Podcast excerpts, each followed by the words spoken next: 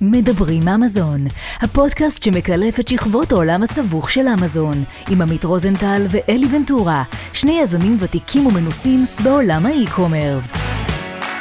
בואו נצא לדרך. ברוכים הבאים לפרק מספר 10 של מדברים אמזון, אני אלי ונטורה, איתי כמו כל שבוע עמית רוזנטל. הפודקאסט שלנו בחסות רוזנטל לוגיסטיקה מתמקדת בפתרונות שילוח מתקדמים לחברות ויזמים בתחום המסחר האלקטרוני ואמזון בפרט.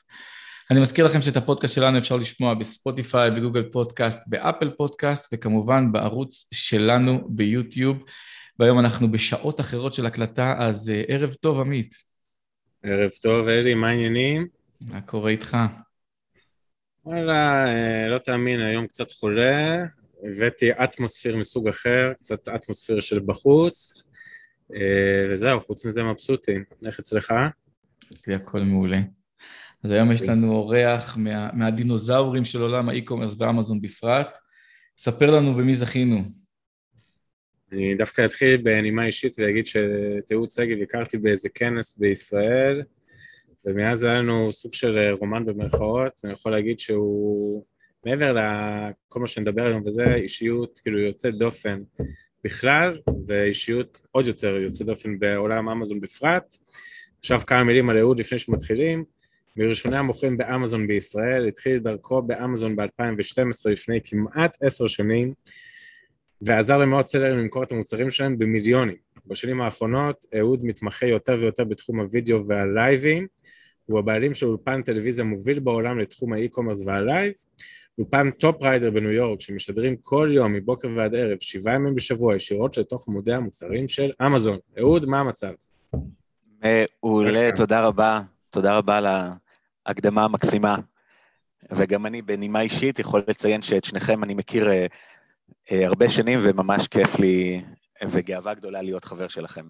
אז תודה רבה שהזמנתם אותי להיות איתכם פה, ואני מקווה שאני אוכל לתרום מכל הידע שיש לי, כל מה שאני יכול, בשביל זה אני פה. וואו, אה, מההיכרות הקצרה שלי עם אהוד, קצרה קצרה, אני יכול להגיד שהבן אדם עמוס בידע, הוא ראה הכל כבר. ונגע בכל כך הרבה דברים. אה, ולכן אנחנו נתחיל מההתחלה. אה, מר שגב היקר, אה, בוא נלך, כי עשית המון דברים. ואני בספק אם נצליח לסגור את, הפינ... את כל הפינות האלה ב-45 דקות שעה, יש פה המון המון ערך.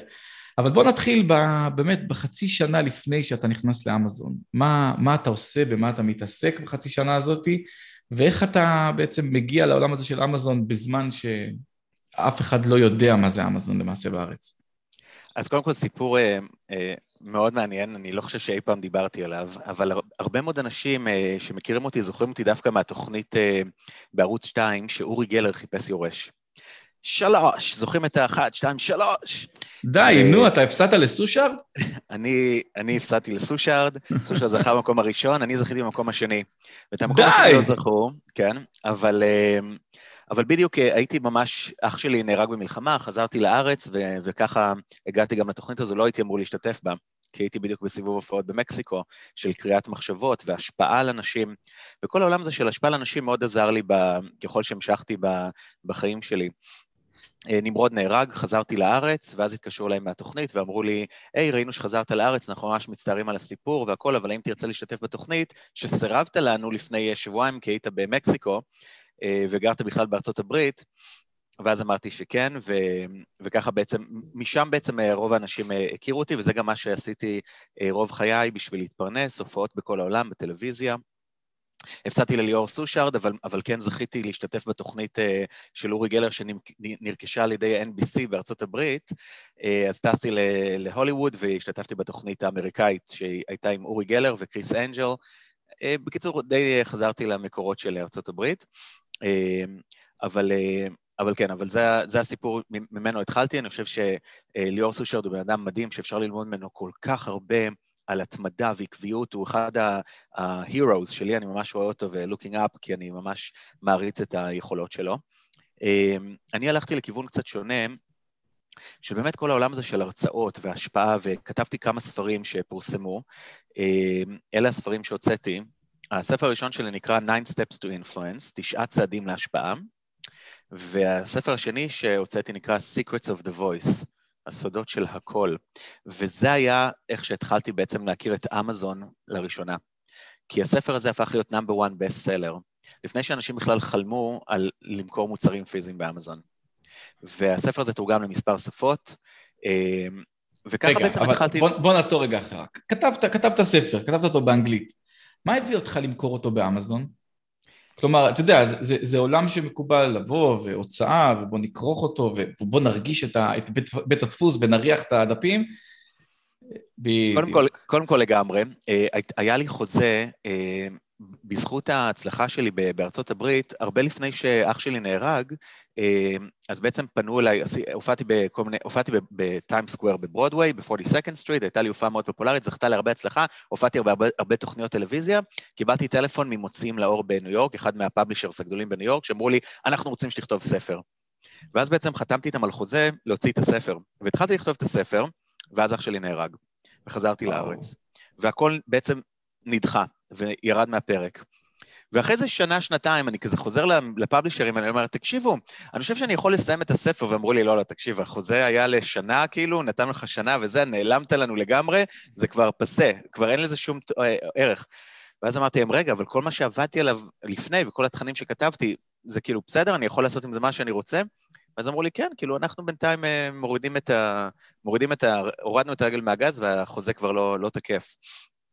ואז, אה, ואז התחיל כל הבאז סביב ה- לפרסם ספרים באמזון, שבעצם היה את המודל הזה שאתה יכול ממש להוציא את הספר שלך באמזון, גם בקינדל, ולקבל ממש תמלוגים, בלי אפילו שיש לך ספר מודפס, למרות שאני כן אה, עשיתי ספרים אה, מודפסים. וזה היה, זה בעצם היה החוויה הראשונה שלי עם אמזון, שה, שבאמת בלי כל השטיקים והטריקים והכל, פשוט בזכות זה שהייתי מופיע בכל העולם, והיה לי קהל של אלפי אנשים שעקבו אחריי וראו את הסרטונים שהייתי מוציא אז בזמנו והכל, הצלחתי באמת אה, להגיע לרמה כזאת של מכירות, שזכיתי בנאמבר 1 best seller badge, שזה היה בשבילי מדהים, כי עזבו אתכם אה, מכירות של מוצרים פיזיים, הייתי נאמבר 1 best selling author, סופר רב-מכר, שזה עזר לי כל כך לשווק את ההופעות וההרצאות שלי בכל העולם. זה בעצם... שלא מכיר את... אה, מי מכר עבורך באמזון? אתה או ש... אתה, אני בעצמי, עוד לא היה בכלל, עוד לא היה לי חשבון בכלל סלר, זה היה חשבון של ה... של, שנקרא SDP, אה, לא זוכר, פאבלישרס. נכון. איך זה נקרא? כן, משהו אה, כזה, ש, שהוא בכלל לא קשור, היית, היית מקבל קופונים בשביל לתת קופונים לאנשים לקבל את הספר שלך בהנחה, הספר מופיע כספר באודיבו, ספר בוויס שעשינו לו הקלטות והכל, אבל זה נורא נורא נחמד, כי זה היה ממש מערכת שונה לגמרי, בלי PPC, בלי כל ה... שום דבר. זאת אומרת, זה היה ממש מערכת בסיסית לפרסם ספרים באמזון, ומזה התחלתי. אז זהו, אז, אז מה שיפה, מי שלא מכיר את העולם של הספרים באמזון, שהוא אגב, עד היום עובד די באותה השיטה, אז אי אפשר למכור את זה מהחשבון הרגיל של הסלר סנטרל, אלא צריך את החשבון DSP, או... שוב, סלח לי על הטעות אם אני לא, לא בקיא בזה, אבל כל הרעיון של, ה, של, ה, של הספרים באמזון, שאתה יכול להגיע באמת למיליוני אנשים, הרווחיות שם היא מאוד קטנה, אבל בשניות אתה מגיע למיליוני אנשים בלי להשקיע כסף על סחורה. אתה מייצר מוצר, ואם יש לך את היכולת, כמו שהייתה לך, אה, לשווק אותו ולהגיד לאנשים, watch me, אני ב... יש לי ספר באמזון, בואו תקנו אותו, ואז אתה מתחיל לעלות על גל שאמזון מקדמים את הספר שלך בלי, בלי, בלי בעיה, אתה יכול להגיע לעשרות מיליוני מכירות בתקופה מאוד מאוד קטנה, אז אמנם הרווחיות שם היא חצי דולר, דולר, שני דולר, אבל בואו, זה מספרים מטורפים שקשה להבין אותם בארץ. לי יש שאלה ברשותכם, לי יש שאלה ברשותכם.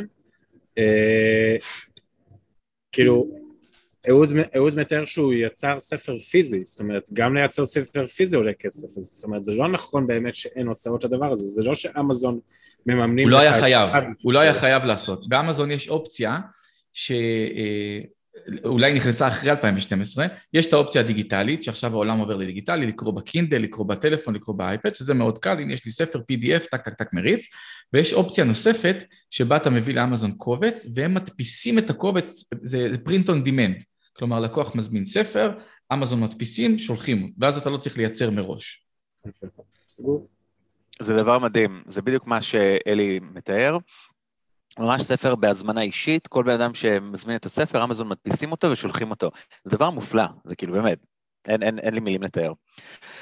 אבל אה, אני נוסע באוטו, מתל אביב לראש פינה לבית הוריי, ואימא שלי בצד, ואני כמו תמיד שומע את הפודקאסטים שלי, אז בזמנו זה אפילו, אני לא זוכר, זה היה נקרא פודקאסט, זה, הייתי שומע הרצאות שאפילו הייתי מוריד לטלפון, זה לפני המון שנים, עוד, עוד המערכות היו נורא שונות אז. אני חושב שהייתי ממש מוריד סרטונים שאנשים היו מצלמים, בשביל לש, לשמוע את זה אחר כך בנסיעה, לא משנה, מפה לשם אני, אני מקבל איזה אימיילים, ואז באמת התחילו עם ה-Amazing Seller, Amazing Selling Machine, ASM, שזה היה אחד הקורסים הראשונים שבאמת עשו את המפץ הגדול של, ה, של כל התחום הזה, והם אמרו, בואו תמכרו באמזון. ואני כבר היה לי את כל הניסיון, ועשיתי אלפי דולרים בחודש מלמכור את הספרים שלי באמזון, והם אומרים, בואו תמכרו מוצרים פיזיים.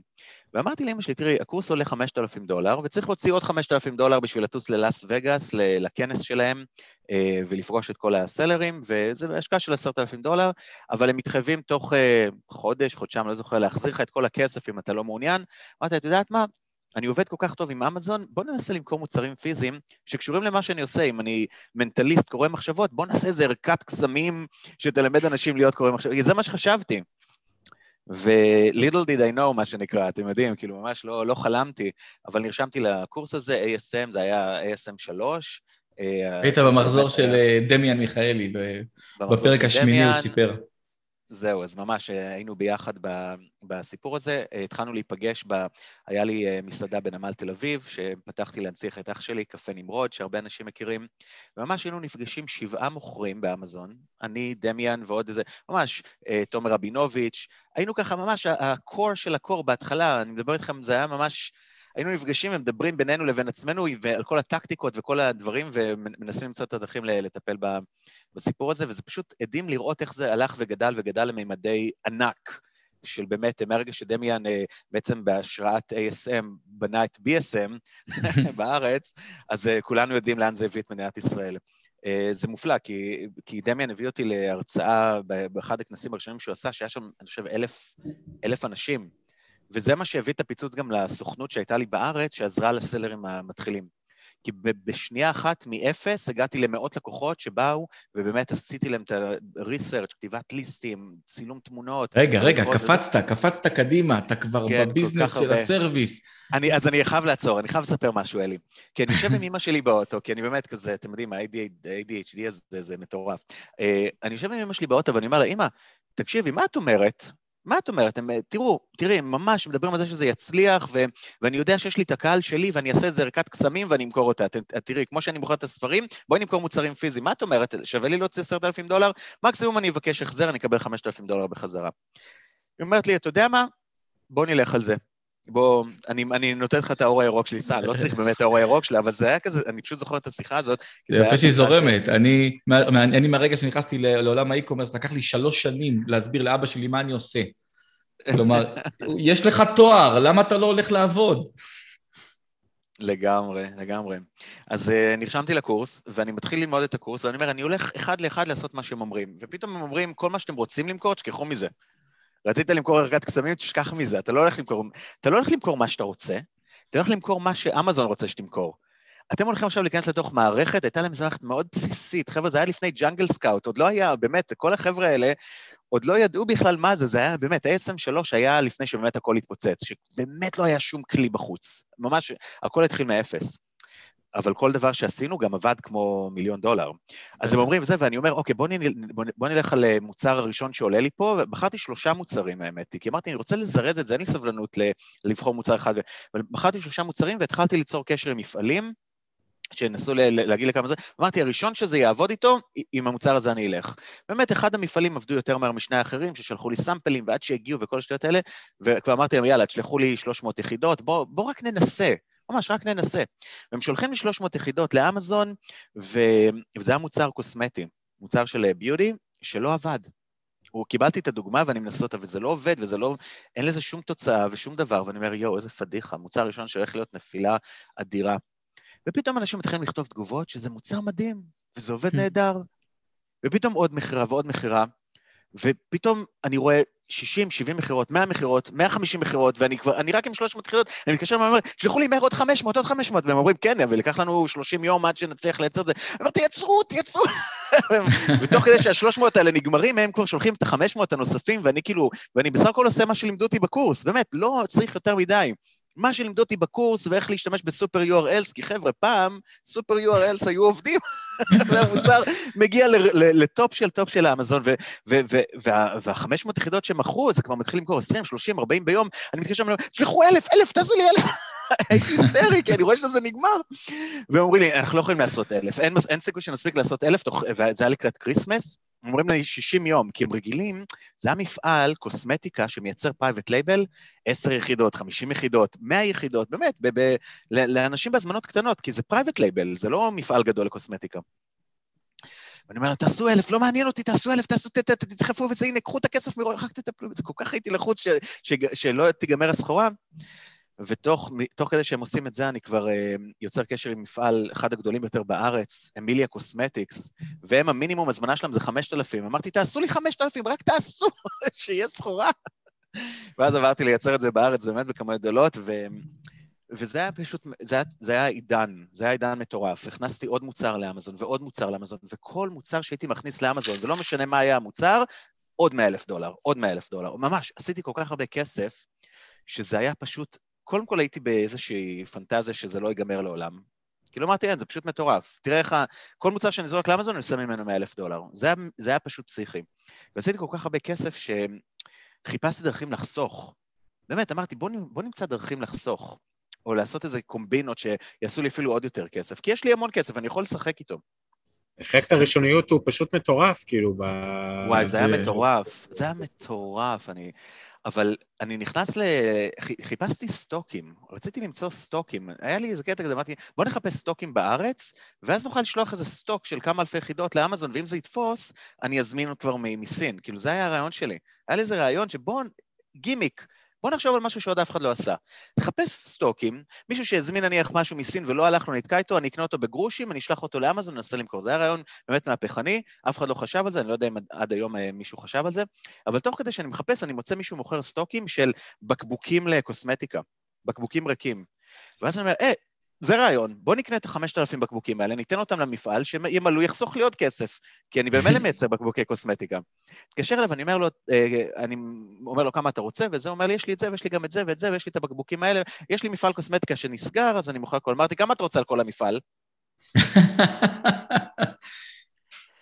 וקניתי מפעל קוסמטיקה בחצי מיליון שקל. מדהים. זה הסיפור המטורף שלי, זה הסיפור ההזוי של מה אמזון עשו לי תוך כמה חודשים, כי היה לי כל כך הרבה כסף, אמרתי בואו בכלל נחתוך את ה middleman, והייתי צריך לקחת חמש משאיות סמי טריילר, עד היום יש לי את הסרטוני וידאו שהגיעו לשם, ואספו את הדודי בישול, ואת המכונות התוויה, ואת המכ... זה, זה היה פשוט פסיכי. באמת, קניתי את המפעל הזה, ולקחתי בניין באזור התעשיית סחר, שם היה לי קשרים וזה, נכנסתי, וה, והמפעל קוסמטיקה הזה ישב כמה שנים ארוז באריזות ניילון ואפילו לא הפעלתי אותו. שתבינו כמה, אני, כמה, זה, כמה זה מפגר. זה הסיפור, זה הסיפור ההזוי של... היום היה יכול להיות לי עוד חצי מיליון שקל, כי בסופו של דבר מכרתי את הציוד והכל, לא, לא עשיתי עם זה שום דבר בסוף. כאילו הייתי כזה בהיי, שהכל בטירוף, שאמרתי זה, אבל בינינו, בין למכור מוצרים באי-קומרס לבין לתפעל מפעל קוסמטיקה, יש כברת דרך. ו... וזו הייתה אחת הטעויות הכי גדולות שעשיתי בחיים שלי, אני חייב לציין, כי שילמתי שכירות על המבנה הזה כל חודש, והסחורה באמת ישבה שם כאבן שאין לה הופכין, גם הבקבוקים וגם המכלים והכול, ובסופו של דבר אה, מכרתי את הסחורה הזאת ואת הדברים באמת בנזיד עדשים, שבאמת הפסדתי גם את השכירות שהייתי משלם שם כל חודש וגם את, הציוד, כי הבנתי שיש אה, באמת פער גדול, ואם אני רוצה ממש להתעסק בייצור, אני צריך אנשים שזה העבודה שלהם, שיעבדו וזה. אמ, לא יודע, אולי, אולי בסופו של דבר הייתי מחזיק מפעל קוסמטיקה מצליח ופופולרי, והייתי יכול אה, להיות איש עשיר היום מלהיות אה, בעלים של מפעל קוסמטיקה, אבל זה לא עבד כל כך טוב. בסוף עוד אה, הצלחתי לייצר כמה דברים שם, אבל ממש בקטנה. השתמשתי ב-10% מהפסיליטי שהיה, אבל זה היה סיפור מטורף. זה באמת היה סיפור מטורף. מעולה. ואז אנחנו בעצם מבינים שהפסדנו כסף, מבינים שאנחנו לא יצרנים ו... ואנחנו לא, לא, לא יודעים להחזיק מפעל קוסמטיקה, אז אתה חוזר לאמזון. זאת אומרת, אתה ממשיך להשקיע באמזון, או שאתה אומר, בוא נחפש את ההרפתקה הבאה, בוא נחפש את הדרך ה... the, the, the, big, the, the next big thing. אלי, אהוד, אז... בואו רק נשים את עצמנו באיזשהו timeline. ב timeline, כן. איזה אנחנו מדברים בדיוק. פחות או יותר. timeline שמה עמית? איזה שנה בערך אנחנו מדברים, פחות או יותר? 2000 ו? 2015 ו-16 כזה, אני חושב, משהו כזה. שכאילו נושא אמזון בארץ מתחיל לתפוס תאוצה, אפשר להגיד. כן, כן, ואז זה מתחיל, אז זה מתחיל לתפוס. הסיבה שלא היה לי זמן לטפל במפעל קוסמטיקה זה באמת בגלל שהתחלתי לספק שירותים להמון סוחרי אמזון שחיפשו מי שיכתוב להם את הליסטינג, מי שיצא להם את התמונות, שיעשה את כל הגרפיקה, יעצב את האריזות, ו... וזה משהו שהרבה יותר קסם לי, כי תמיד הייתי איש שיווק. זאת אומרת, זה משהו שלמדתי גם במכללת תל חי, זה היה ביזנס שלי מאז ומתמיד, לעסוק בשיווק. ו- ובאמת היה לי נורא חשוב ל- להקים את הפנטזיה הזאת של משרד פרסום ושיווק מאוד מאוד רציני, עם צוות, מחלקת גרפיקה, מחלקת צילום, כל הסיפור הזה. אמ, ולקחתי קומה שלמה בבית מעריב דאז, זה היה משהו באמת מדהים. אני לא יודע אם, אם אתם הייתם ב... עמית, אתה לא היית שם, עמית. אני זוכר כן. ש... כי אמ, המון אנשים היו מגיעים לשם, אפילו עשינו שם, היה לנו שם בקומה גג שלם של איזה 300 מטר, אה, בקומה עצמה, שהיינו עושים מפגשים כל יום ראשון. קראנו לזה הראשון באמזון, או ראשון באמזון, משהו כזה. חלק, מה, mm-hmm. חלק מהאנשים שצופים אולי יזכרו את זה. זה גם היה אחד המפגשים הראשונים, שהיינו ממש מביאים אוכל ומרצים, ואנשים היו מגיעים כל יום ראשון ונפגשים בקומה הזו. ו- וככה באמת היינו מספקים המון שירותים, וזה מה שנתן לי המון המון התעסקות, אבל זה דבר נורא מעניין. זה בעצם גלים, הרי אני, היה אני, גל מטורף. אני אספר למאזינים הצעירים שבינינו, שפעם זה היה קבוצת פייסבוק, עוד לפני שהקבוצות פייסבוק היו כל כך פופולריות בישראל, אז, אז, היו, אז, אז הקהילות היו קהילות אמיתיות. נפגשים באמת ביום ראשון, לא בלייב בזום ולא בלייב בפייסבוק, אלא באמת נפגשים ואוכלים ומדברים. ו, ומייצרים את הקשר האישי הכל כך חסר בעולם הדיגיטלי שלנו. לגמרי, ואני חושב שיש, אה, שאני חושב שנוצרו קשרים מאוד חזקים, זאת אומרת, חלק מה sellers ונותני השירותים המובילים בארץ, הם אנשים שבאמת מגיעים מהמקומות האלה, מהמקום הזה של המפגשים האמיתיים האלה שהיו, שנוצרו באמת קשרים אה, מופלאים. עצרו רגע, שאלה קטנה, אתם חושבים שיש לדברים האלה עוד היום איזשהו מקום ורלוונטיות אמיתית, כאילו, במפגשים פיזיים בין בני אדם, או ש...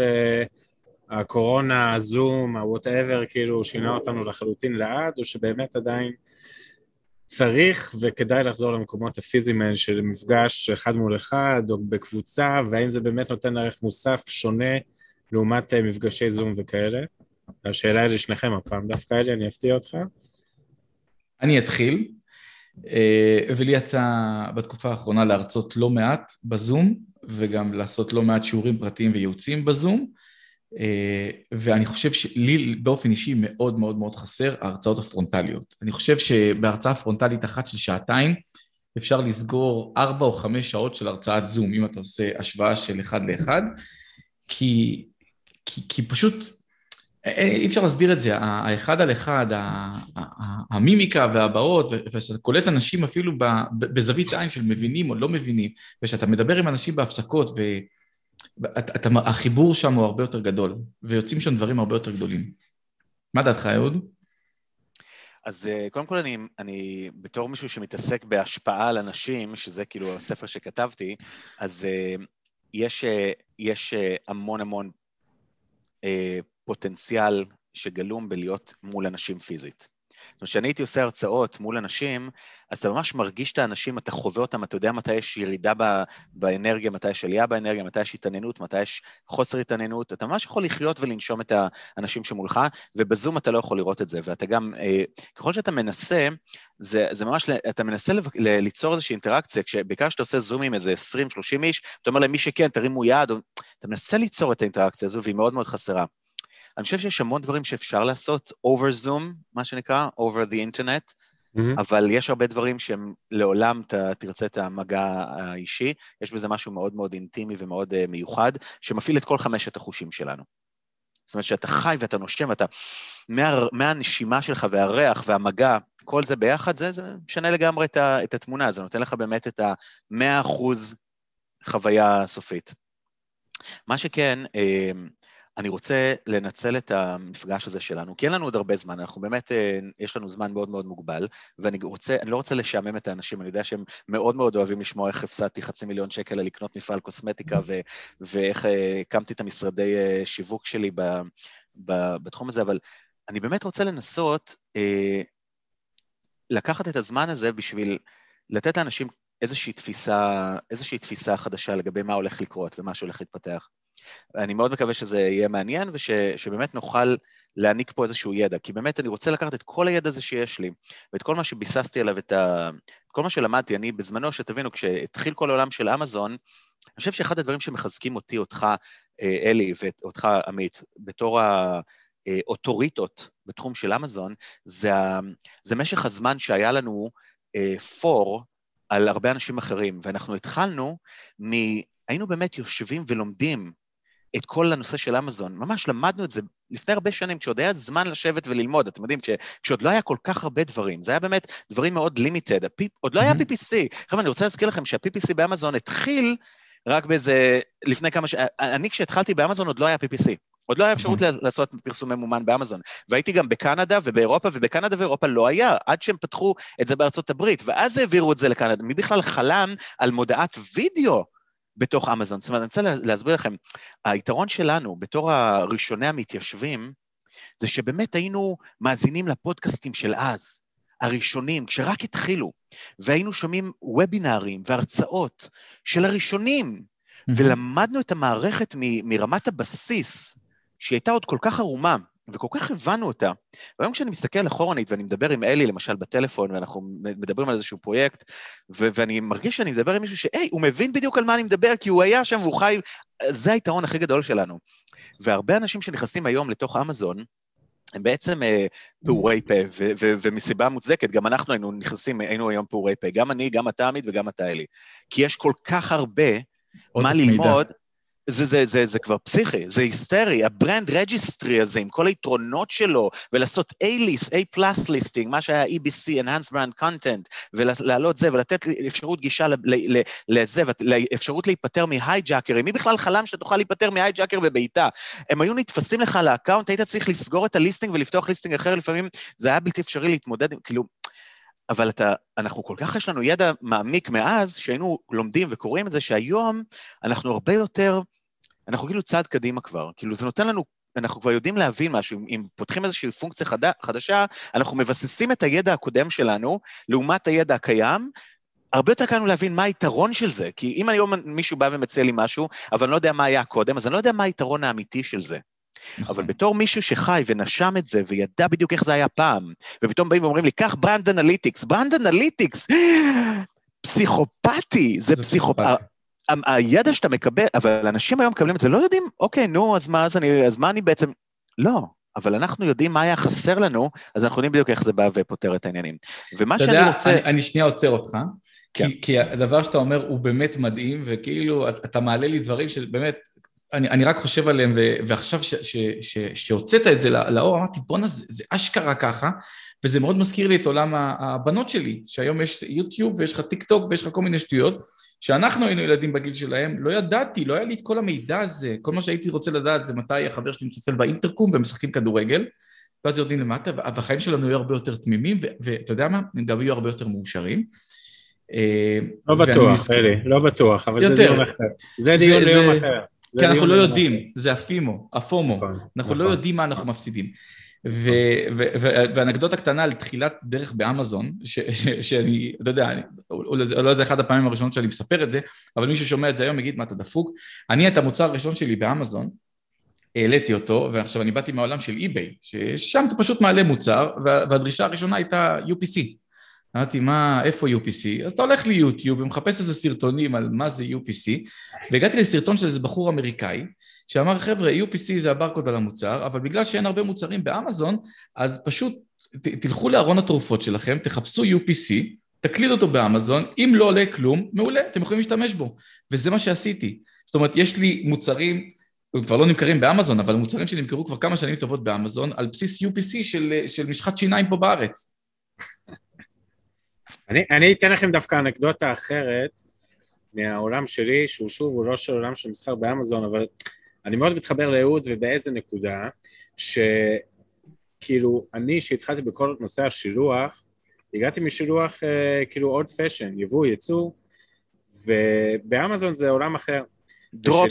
וכשהתחלתי אותו, למעשה לא ידעתי אפילו למה אני נכנס. אבל כאילו ידעתי שיש את הדבר הזה, אמרתי יאללה, אני אקח את ההזדמנות ועשיתי. ואז אני לא אכנס לכל השילוח, מה זה אומר וזה, כי זה לא רלוונטי לשיחה, אבל אני יכול להגיד שהיום, וזה אולי מה שאהוד גם מדבר עליו, קשה לעבוד עליי. זאת אומרת, אנשים יבואו ויספרו לי סיפורים, המשלח ההוא עשה לי, המשלח ההוא נתן לי, יצא לי ככה.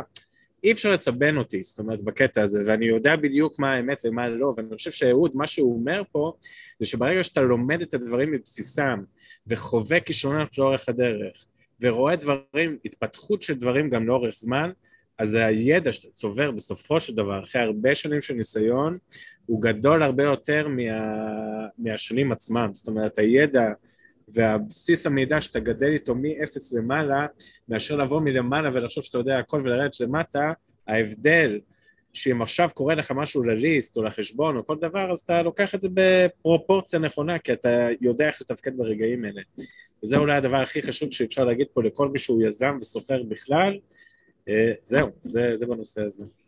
אהוד, לפני שאתה ממשיך, אה, כי אני יודע שיש לך עוד הרבה להגיד, כאילו קטעתי אותך כזה בהפגנתיות באמצע, אני, אני רוצה שאנחנו כן נחבר אנשים לסיפור, ובבולט פוינטס תספר מה קרה מהרגע שאותה, של אותם מפגשים בסטודיו בארץ, ואיך מהסטודיו בארץ הגעת ל, אה, לניו יורק, ומה קורה עם, עם החשבון שלך בכלל באמזון, האם אתה ממשיך לתפעל אותו, האם יש לך צוות?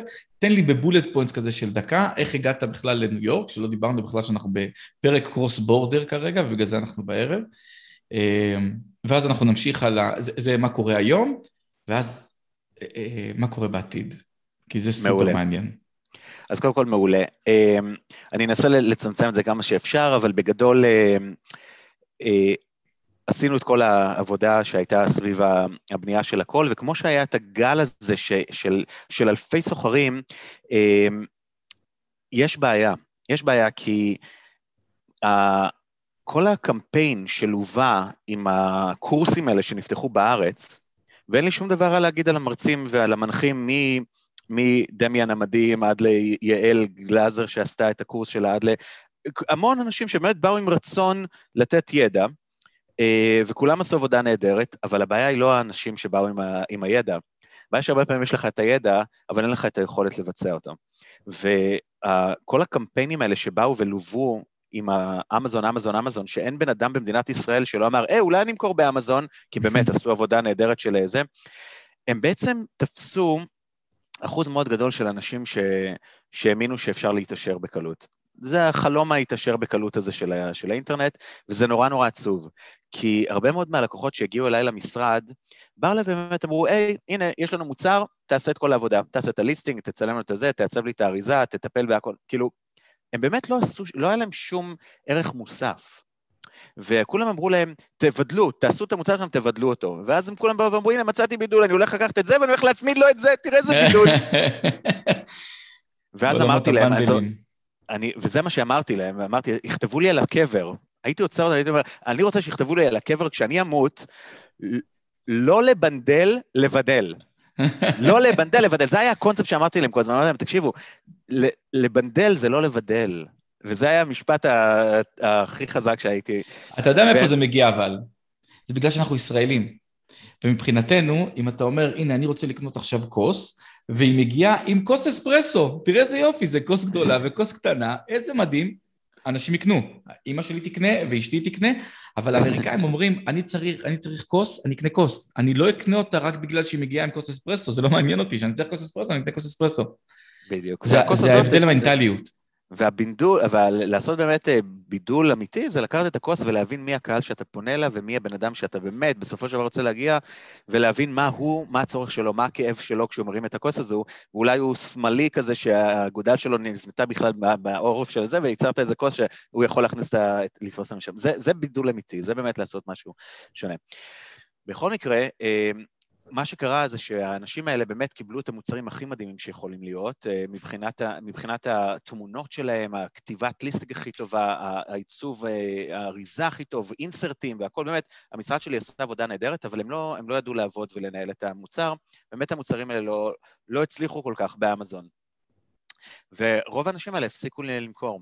זאת אומרת שאני חושב ש-80% אחוז מהאנשים שנכנסו בתקופת הגל הזו, אלפי אנשים שהם באמת אה, סוחרי אמזון בארץ, אה, אולי 20%, אחוז, תתקנו, תתקנו אותי אם אני טועה, אני ככה רואה ככה בגדול, אני יודע כמה אנשים אה, פשוט הפסיקו, נטשו את זה, עברו לדברים אחרים.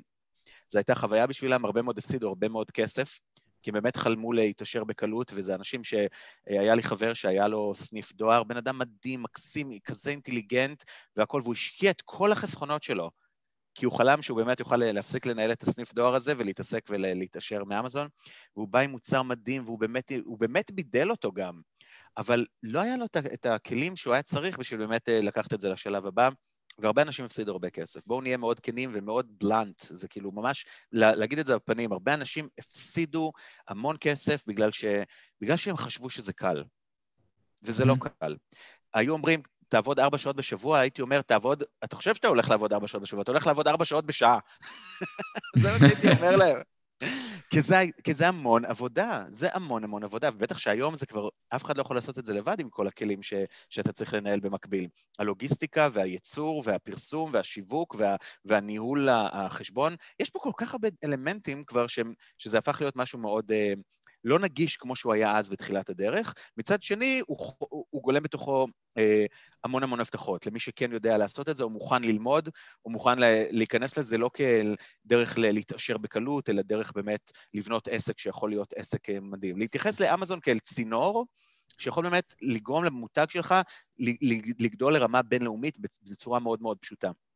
אמזון למעשה לקח את כל המידלמן, את כל אותם ריסלרים שיש בעולם, ובעצם פינה את הדרך ל, ל, ליצרנים, וזה אחד הדברים המופלאים ביותר ש, שקרו. וכשהייתי אני מסביר לאנשים, לאימא שלי ולכאלה, מה, מה זה בעצם אמזון, הם אומרים, מה, מה אתה עושה? מה, איך אתה עושה את כל הכסף הזה? ובאמת, אנחנו מדברים על, על, על, על סכומי עתק. אז הייתי אומר להם, תקשיבו, אם פעם הייתי מייצר מוצר, והייתי, והייתי צריך שיהיה לי עכשיו reseller בארצות הברית, ו reseller בקנדה, ו reseller באירופה, ואני צריך למכור להם קונטיינר, והם יתחילו לשווק את זה, ועד שהם יחזרו אליי לקנות עוד קונטיינר, אין את זה יותר. אין את זה יותר. עכשיו, גם מבחינתי, בתור היצרן, וזה משהו שמאוד חשוב לי שאנשים בבית, ש, שהם כן uh, מוכרים באמזון, הנה עוד איזה טיפ שהם באמת צריכים להבין את, ה, את הכוח האדיר ש, ש, שגלו, שגלום בו. וזה היכולת ש, שאמזון נותן לנו, שלא היה קיים לפני, לשדרג את חוויית הלקוח עם המוצר שלך. ולמה אני מתכוון? עכשיו, אני אקח את זה לרמה שלי, שאני מוכר הרבה מוצרי קוסמטיקה. באמת חברות כמו לוריאל, או חברה כמו לנקום, או כל חברות הקוסמטיקה הגדולות האלה, כשהן הולכות ומייצרות מוצר קוסמטי, הן הולכות ומייצרות ליין של בום, 50 אלף יחידות, ומתחילות לשווק את זה בכל העולם. עד שהן מתחילות לראות את התגובות של הקהל, זה כבר אבוד להם לייצר או לעשות תיקונים למוצר. זאת אומרת, יש להם כבר 50 אלף יחידות ברחבי העולם שנמכרים עם הזה, ו- ומתחילים לקבל one star review, one star review, ו- ואנשים כותבים איזושהי נקודה שהיא כל כך פשוטה לתיקון. תכניסו עוד איזה סיליקון, עוד שלוש גרם של סיליקון למוצר, והוא יהיה קצת פחות אה, יבש. הוא ייצור, העור שלך לא לא יודע מה, זה בכלל לא משנה. המוצר שלך יכול להיות כל מוצר, יכול להיות אה, מקדחה של מקיטה, שהי, אני לא יכול לראות את זה בלילה, תוסיף מנורה קטנה שתאפשר לי, לא יודע מה זה, אבל זה משהו שאנחנו בתור private label ים, שאנחנו מייצרים ומגיעים ישירות לקהל, נותן לנו כוח אדיר. לייצר את ה-500 יחידות האלה, לשלוח אותם לאמזון ובאמת לחקור לעומק מה באמת, מה באמת, במה קלעתי? האם הצלחתי להגיע ל... ל, ל ל product market fit? האם יצרתי את ה fit המושלם למוצר? האם באמת יש אנשים שרוצים אותו? או שאני יכול לשדרג אותו בעוד צורה שהיא? ואז ה-500 יחידות הבאות ויכולות להיות משודרגות הרבה יותר, באמת לטפל בבעיות שאנשים העלו, ולא רק להגיד, וואי, איזה אנשים מעצבנים יש. אלא להגיד, דווקא האנשים המעצבנים האלה, אני אלמד מהם ואני אגדל. למשל, אני, אחד המוצרים שלי היה אוהל ילדים, אוהל ילדים, שאתם פשוט לא תאמינו איזה ביקורות הוא קיבל. המסור עץ שלי עובד מעולה כשאתה מחבר לו את האוהל ילדים הזה, הוא אוסף את כל הרסיסי שבבי עץ שלי, אתם, אתם פשוט לא תאמינו.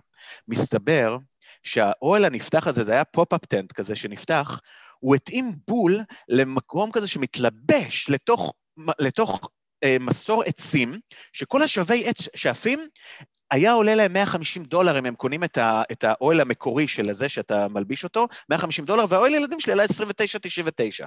מדהים. ואיזה בלוגר כתב, תקשיבו, בואו אני אחסוך לכם עכשיו 100 דולר.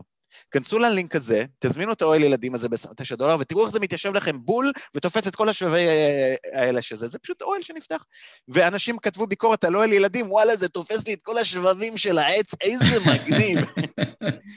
אז, אז, אז זה נורא מעניין, כי אז אתה אומר פתאום, רגע, בוא נלמד על המנוע, על, ה, על, ה, על האוהל שבבי עץ הזה, תראו, אפשר לחבר חתיכת פלסטיק שמת, שמתחברת לשואב אבק, בואו נייצר גם את החתיכת שואב, שואב הזה, וכבר נייצר את זה גם כתוספת שאנשים יכולים לקנות את האוהל ילדים שלי או כאוהל ילדים או כזה. בקיצור, נורא להיות ערנים למה כותבים ומי כותב ולמה כותב, זה, זה אחד הדברים ה... המשמעותיים. אבל שוב, אני חורג מהשאלות שלך. אהוד, רגע, רגע, רגע, אהוד, משפט כן. קטן. אני לא, אלי, אני לא רוצה לערבב, אה, כמו שאומרים, אה, חלב עם קפה, אבל גם בפרק הקודם, אה, שיעלה מחר, דרך אגב, אז לא, לא, לא נדבר מי היה שם, אתם תראו מחר, או מי שיראה, יראה בקיצור... הרגת אותם עכשיו, מקשיב, זה שבוע מחר, איפה מחר? כן, כן, יראו בפרק הבא, אבל דיבר בדיוק אותו דבר, שהגדולה של אמזון זה היכולת שלך בתור, קודם כל זה לפרק את הריסטיילרים באמצע, שאתה לא צריך עכשיו להיות נתון בידי, בחסדיהם של אחרים, ושתיים, היכולת שלך בתור מוכר או בתור בעל ברנד, לגעת בלקוחות קצה שלך, שזה אולי הדבר הכי גדול שאמזון עשו בעצם בתור היותם אמזון. וזה יפה לראות שאנשים שונים, מתחומים שונים לגמרי, מדברים על אותו דבר. זה, זה פשוט מדהים, באמת. וזה, וזה יופי שזה באמת פרק אחרי פרק, תחומים אחרים לגמרי. לגמרי, לגמרי. חיבור כן. בין יצרן ללקוח קצה, והסיפורים הם זהים. אז קודם כל זה מדהים לשמוע, אני, אני אצפה בפרק הזה בוודאות, ואני אשמע מה יש לו להגיד, אבל, אבל כן, אני חושב שזה אחד הטיפים החשובים, היכולת הזו באמת לבטל את המידלמן ובאמת להגיע ישירות ללקוח, זה משהו שהוא הוא, הוא באמת אה, אה, משנה, משנה, אה, משנה שווקים, ממש משנה שווקים. כי היכולת של אותם יצרנים היום להגיע ישירות ללקוח ולדעת בדיוק מה הצורך של הלקוח, והיכולת לשנות את זה אינסטנט, בשנייה, ממש להגדיר את השינוי בשנייה אחת, בום וטראח, ואני ייצרתי מוצר שהוא הרבה יותר אה, אה, משודרג, זה דבר שהוא לא היה לפני. חבר'ה, מי שהיה יצרן, היה יצרן, היו קוראים להם הקופים. הקופים על העץ שיודעים ל- ל- לקפוץ מעץ לעץ, וזה מה שהם עושים, הם יצרנים, הם לא אנשי שיווק. Mm-hmm. ופתאום היכולת שלך להגיע ממש, לקחת את המוצר שלך וגם לשווק אותו ללקוח ולשמוע את זה, זה, זה כאילו באמת עולם אחר, זה משהו שהוא באמת life changing, משנה industry, משנה שווקים, משנה מר, אה, אה, אה, הכל. אוקיי, אז, אז היום, היום אנחנו, סליחה שאני קוטע אותך, כי אנחנו רוצים להגיע ל, ל... יש לך המון מה לומר, אני יודע. ואנחנו רוצים להגיע למקומות, למה קורה פה, לפי דעתך, בעוד שלוש, ארבע, חמש שנים. אבל אה, בוא נגיד במילה מה אתה עושה היום. היום בעצם לקחת את, ה, את המודל הישראלי בערך, נכון? של הסטודיו שעושה דברים, והעתקת אה, אותו. אז קודם כל, אה, בואו אני אגיד לכם ברמה, ברמה האישית. ברמה האישית של איש עסקים, מה היה, מה היה חושבים מאחורי מה שעשיתי, ובואו נהיה מאוד מאוד ריאליים. בזמנו, הייתי מקבל המון המון פרויקטים, המון, המשרד שלי עבד בטירוף בשביל לכתוב ליסטים, לעשות ריסרצ' של keywords, לעשות uh, uh, תמונות, היה לי סטודיו שמצלם, גרפיקאים שעורכים את התמונות, ו... והשוק התחיל להתמלא בהמון המון נותני שירותים שעושים את זה. זאת אומרת, מלהיות החברה אחת המובילות והראשונות שעושות את זה, פתאום יש המון אנשים שנותנים את השירותים האלה, ו... ולא היה לי שום בעצם מקום לבוא ולהגיד, היי, hey, אני אכתוב ליסטינג יותר טוב, כי באמת, אה, אני חייב לציין שהרבה מאוד מהאנשים האלה לקחו את איך שאני הייתי כותב את הליסטינג, כי הייתי מדבר על זה בוובינר ומסביר, וזה היה ההשראה שלהם. אפילו העובדת הראשית שלי, העורכת הראשית שלי במשרד, אמרה לי, אהוד, אני עוזבת אותך, אני פותחת אה, סטודיו משלי לכתוב אה, ליסטים, כי, כי זה כל מה שאני יודעת לעשות, לימדת אותי איך לעשות את זה בצורה כל כך טובה, זה מה שאני הולך לעשות, אני הולכת לקחת לך את העבודה. זה כל כך מצחיק אותי, אבל, אבל זה מה שהיה. כי באמת הבנתי איך ה-A9 אלגוריתם עובד, ובאמת איך לכתוב את, ה, את הטקסטים שהם גם עונים. הייתי קורא לזה דואל, דואל ליסטינג, דואל, אני אפילו לא זוכר את השמות שנתתי לזה, אבל היה לזה דואליטי, שאמרתי, אני כותב את זה קודם כל למנוע A9, אבל שהוא יתאים גם לקריאה של בן אדם רגיל, כך שזה, וזה היה מהראשונים, היום אנשים מבינים את זה, אז בזמנו לא הבינו בכלל על מה אני מדבר, אבל באמת הרבה אנשים לקחו את, את הטכניקות שלי ואת הדברים שעשיתי, אה, ולמדתי באמת מהתחלת הדרך, והתחילו לעשות את זה בעצמם, וראיתי שאת הליסטים שהם היו כותבים, הם היו ליסטים ממש טובים. הם ממש עמדו בקריטריונים שאני הצבתי לאורחים שלי, כאילו ממש מישהו עובד מהמשרד שלי ועושה את העבודה. אז אמרתי, אוקיי, אם ככה, אני באמת, אין לי אדג', אין לי פה אדג' על הסיפור הזה, הם באמת למדו את העבודה, הם עושים עבודה נהדרת, הייתי חייב להצדיע למתחרים שלי. ווואלה, הם לוקחים 100 דולר פחות ממני, אז מה אני עכשיו אקח על אותה עבודה 100 דולר יותר? כאילו, הם באמת נותנים עבודה טובה. אבל משהו אחד היה, היה לי אדג'. היה לי אדג' בו. אה, היה לי באמת יתרון שלא היה לאחרים, וזה היה מהניסיון הרב שנים שלי בתחום הטלוויזיה וההופעות שלי בעולם, והיכולת שלי באמת להפיק אה, תכנים ווידאו. ו... ובתור איש עסקים אתה באמת מסתכל על החוק פרטו, ואתה אומר, אוקיי, מה מה-20% מהמוצרים שלי מניב לי 80% מההכנסות? או מה מה-80% מהמוצרים שלי מניב לי רק 20% מההכנסות, ובואו נזרוק את זה הצידה, כי זה באמת לא רלוונטי. ושמתי לב שבגלל שהפקות וידאו זה משהו שהוא באמת אה, דורש הרבה יותר מאשר לכתוב list. זה גם כל ה research של המוצר, אבל זה גם כתיבה, אבל כתיבה של תסריט. ועכשיו זה ליהוק של השחקן שיתאים לסרט, ו- mm. והפקה, ווידאו, ואז עריכות, ואז אנימציות, ו motion graphics, ולעשות packaging complete עם sound effect ומוזיקה והכל, והנה אתה מפיק סרט ללקוח. ואתה שם לב באמת שחוק הפרטו משחק פה תפקיד מאוד גדול. אין הרבה אנשים שעושים את זה, רק 20% מהלקוחות מזמינים הפקות וידאו למוצר שלהם, אבל זה מכניס 80% מההכנסות של העסק, כי זה באמת הכנסה הרבה יותר גדולה, אתה לא לוקח 200 דולר, אתה לוקח 2,000 דולר. על, אני זורק לכם מספרים, לאו דווקא ספציפית, אבל כאילו שתבינו את איפה זה נמצא. ובתור איש עסקים אתה עושה את החשבון שלך ואתה אומר, וואלה, בוא נתמקד במה שאנחנו באמת אה, צריכים לעשות, אנחנו יכולים לצמוח ממנו.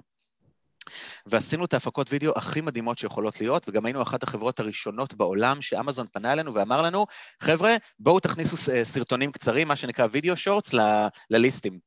אז בזמנו אני חושב שהיו חמש, חמש חברות שעשו את זה. כשאנחנו רק התחלנו. שנה? בערך שנה איזה? היה לנו איזה פור של, באיזה שנה? 2016, 2017, 2016 או 2017 נראה לי. זה, זה, זה בערך השנים ש, שזה רק נכנס, רק התחילו לעשות הווידאו uh, shorts, והם היו צריכים תוכן, והם פנו אלינו ונתנו לנו את האישור לה, להטמיע את זה. Uh, זה היה מדהים, כי אני ודמיאן עשינו את זה בקמפיין, באמת, ו, והמון אנשים uh, השתמשו בשירות שלנו בשביל להטמיע את הסרטונים האלה, וזה היה באמת boost רציני לאנשים, כי הם היו מהראשונים ש, שיכלו לשים את הסרטון, כשעוד לא היה את ה Brand Registry ועוד לא היית יכול להטמיע את הסרטון ב hero images שלך בקצה. בואו נעשה סיפור קצר עכשיו, בואו נגיד באמת מה היה ה big, ה big bang שלנו. כשאני מקבל אה, אה, אימייל מאמזון, שהם הקימו את Amazon Live. ואני מתאם איתם פגישה, ואני טס במיוחד לארצות הברית מתל אביב בשביל אה, להיפגש איתם, והם אומרים לי, תקשיב, בוא קח ערוץ ותתחיל לשדר בגלל שאתה עושה את כל הסרטונים האלה, והם ראו את היכולת שלנו להפיק באמת סרטונים ברמה מאוד מאוד גבוהה, ואמרו לי, בוא תעשה את זה, אתה יכול לעשות את זה גם ב live? אתה, יש לך אפשרות לעשות... וכמובן אה, שבאתי להם בדרישות, כי הייתי, בידי הייתה עליונה, אנחנו אולפנים, אנחנו מפיקים את כל, תראו כמה סרטונים עשינו לכל ה seller ים, אנחנו עובדים עם כל ה seller ים, ואמרנו להם, אה, שהיה לנו כמה תנאים, אחד מהם היה באמת שייתנו לנו לשדר לכל ה seller ים, בין אם הם Brand Registry או לא Brand Registry, כי Amazon Live רק התחיל אז, והם נתנו לכל מי שהוא Brand Registry אפשרות לשדר. אבל הם בעצם אמרו, וואלה, אף אחד לא משדר, אין, אין, אין, אין, אין כמעט אנשים שמשדרים, משהו פה לא עובד, אנחנו צריכים להתחיל להניע את הגלגלים, בואו תעזרו לנו, תהיה האולפן הראשון שמקבל ערוץ. וזה היה כל כך מדהים, כי האולפן שלנו היה בתל אביב, ובשביל, והיינו מנסים לשדר ב live, קודם כל הם עמדו, הם הסכימו לכל מה שאמרנו להם. אמרנו להם, תיתנו לנו לשדר לכולם, אמרו סבבה. אמרנו להם, אנחנו דורשים שהשם של האולפן שלנו, של הערוץ שלנו, יהיה Amazon Top Rated. שזה מטורף, כאילו ממש, Amazon Top Rated, ובאמת, בשנה הראשונה, עד שהמחלקה המשפטית נכנסה כי מישהו התלונן, וזה, היינו Amazon Top Rated, זה היה שם הערוץ שלנו, שזה הראש הישראלי הקרימינלי שלי, אתם יודעים, ככה דאג לזה. גם היום זה נשאר ב Top Rated. היום זה נשאר Top Rated. Top Rated, אנחנו עדיין Top Rated, וזה מאוד מבלבל את רוב הלקוחות של אמזון, הם בטוחים שבאמת אה, המוצר הוא Amazon's Top Rated, כי אנחנו אומרים את זה בשידור, אבל לא כותבים את זה בשם ערוץ. היינו, נאלצנו לזנוח את המילה אמזון, אבל זה עדיין אה, נותן בוסט מאוד מאוד גדול. אה, אבל זה היה מדהים, כי בעצם היינו הערוץ הראשון, הרשמי, שהוא היה מה שנקרא End-to-End Production Company, ששידר בלייב. וכמות הידע שצברתי בעקבות היותי הערוץ הראשון באמזון לייב, זה באמת ידע ש... שאי אפשר לאמוד אותו בכסף. כי באמת, אני צברתי כל כך הרבה הבנה על, לא רק על אמזון, לא רק על אמזון, על כל עולם ה live streaming. בהתחלה, עוד לא היינו בכלל משדרים ב live, כי היינו בישראל. והייתי עובד עם כל השחקנים האמריקאים בישראל, הם היו מגיעים אליי לאולפן, והייתי מצלם אותם מראש, כאילו זה live, והיינו משדרים את זה אחר כך בשעות שהיה לי virtual assistants שהיו מריצים את השידורים האלה, כאילו זה live, כדי שזה יהיה בשעות הנורמליות של ארה"ב, אבל זה לא באמת היה ב live. עשינו בכל כך הרבה קומבינות, שבאמת היו זה, אבל ככל שעשינו את הקומבינות האלה, אמזון לאט לאט, מה שנקרא zone down, zone down, גילינו המון אינפורמציה, הם לא ידעו כלום, באמת, אמזון לייב department, הצוות שם, הייתי מדבר איתם בטלפון כל שבוע, ואני רואה שאני מדבר איתם, ו, ומה שאני יודע זה בערך עשר דרגות מעל מה שהם יודעים. הם באמת לא ידעו כלום. זה צוות של אנשים שלקחו בשביל לטפל באיזושהי מחלקה חדשה, ובאמת, אה, עלינו על כל מיני דרכים לעשות uh, הרבה כסף מזה, ובאמת זה, זה עבד לתקופה מסוימת, עד שהם גילו כל השטיקים שלנו, היינו עושים סרטים ב repeat, בלופ, היינו עולים לשידור, יורדים לשידור, עולים לשידור, עושים כל מיני תרגילים. אבל לאט לאט הם, אה, מה שנקרא, סגרו, סגרו, סגרו, סגרו, ו, וכל פעם הם היו מתקשרים אלינו ואומרים, אתם חייבים להפסיק עם זה, למה? כי sellerים אחרים עושים את זה, וזה against terms of service, וכשאנחנו אומרים להם נו נו נו, הם אומרים, רגע, אבל top rated עושים את זה, אז למה שאנחנו לא נעשה את זה? ככה זה היה, זה היה ממש כי אנחנו היינו הערוץ הכי דומיננטי. אמ, עד היום אנחנו הערוץ הכי דומיננטי, זאת אומרת, אף אחד לא משדר יותר מאיתנו. בגלל הפור שהיה לי, הצלחתי באמת לבנות ממש system מטורף, מטורף, אתם לא יכולים לדמיין כמה הוא מדהים ו- ודיגיטלי ו- ומתוכנת ברמות uh, מטורפות, uh, שמזה בעצם הביא אותי למצב של היום, שאני באמת עובד על חברת סטארט-אפ שאמורה ממש להיות uh, uh, משנה את חוקי המשחק בעולם ה e-commerce וה live streaming, אני מקווה. אה, כי בכל התקופה הזאת למדתי המון, ואחד הדברים שלמדתי, או שראיתי במחקרים שלי, היה איך כל העולם של ה live streaming הולך להשפיע על, אה, על אה, עולם ה e-commerce. וזה משהו שרציתי... אפשר לראות מה קורה ב live streaming בסין, שהוא, שהוא מתפוצץ כבר במשך מעל שנה, והמכירות שם הן פסיכיות לגמרי, ואמזון בגלל זה התחילו קצת ללחוץ על הגז כדי לנסות ל... לעמוד בקצב של טאובאו, אה, אני לא חושב שעדיין זה, זה, זה שמה, אבל אין ספק שזה הכיוון. בואו נדבר על מספרים אה, פיזיים, זה מאוד מעניין ככה, משהו שהוא actual numbers. אה, אבל אני מכניס אותך רגע לטיימליין, כי אנחנו הבטחנו לעשות איקס זמן לפרק, אז יש לנו ככה עוד איזה 4-5 דקות עד שאנחנו צריכים לסיים את הפרק. אז בוא, בוא, בוא תחשוב את כל הדברים החשובים ש, שאתה רוצה להגיד, אז קודם כל המספרים האלה מאוד חשובים, אז אני באמת אה, אציין את המספרים האלה, אה, שבאמת אה, טאובאו וכל האלי בבא וכל הסיפור הזה, הם הכניסו שנה שעברה 125 מיליארד דולר במכירת מוצרים. 125 מיליארד דולר, שנה לפני זה הם סגרו 68 מיליארד דולר, וואו. וה, והגדילה היא גדילה אקספוננציאלית, זאת אומרת, זו גדילה מטורפת. וכמו שאמרת, אלי, זו הסיבה שאמזון משקיעים מיליוני דולרים בלדחוף את הפלטפורמה של אמזון לייב, כי הם מבינים ש, שזה קורה. וזה הכל מתבסס על מה שהיה פעם ערוץ הקניות. זאת אומרת, ב-1986 הוקמה רשת ה-QVC בארצות הברית, שזה ערוץ הקניות של, של אמריקה, והם גדלו גם בצורה אקספוננציאלית מטורפת, הייתה להם גדילה אדירה, הם עשו כל כך הרבה כסף, אבל uh, הגדילה שלהם, אחד הדברים המופלאים זה שלפני שנה הם סגרו 11 מיליארד דולר במכירות. 11 וואו. מיליארד דולר ערוץ הקניות באמריקה. אבל לפני שנתיים הם סגרו 11 מיליארד דולר. ולפני mm-hmm. שלוש שנים הם סגרו 11 מיליארד דולר. בקיצור, מה שאני למדתי מה research שעשיתי, אלי, זה, שה, זה שהגרף המטורף הזה שעולה ל-QVC באמריקה, לרשת הקניות, בעצם התחיל להגיע לפלטו, לאיזושהי עצירה. כן. ותוך כדי שהוא מגיע לעצירה, כל התחום הזה של live streaming באינטרנט ו e-commerce עולה בטירוף. ואם יש משהו שאני יכול באמת ככה לתת לצופים בבית, זה באמת להבין ש...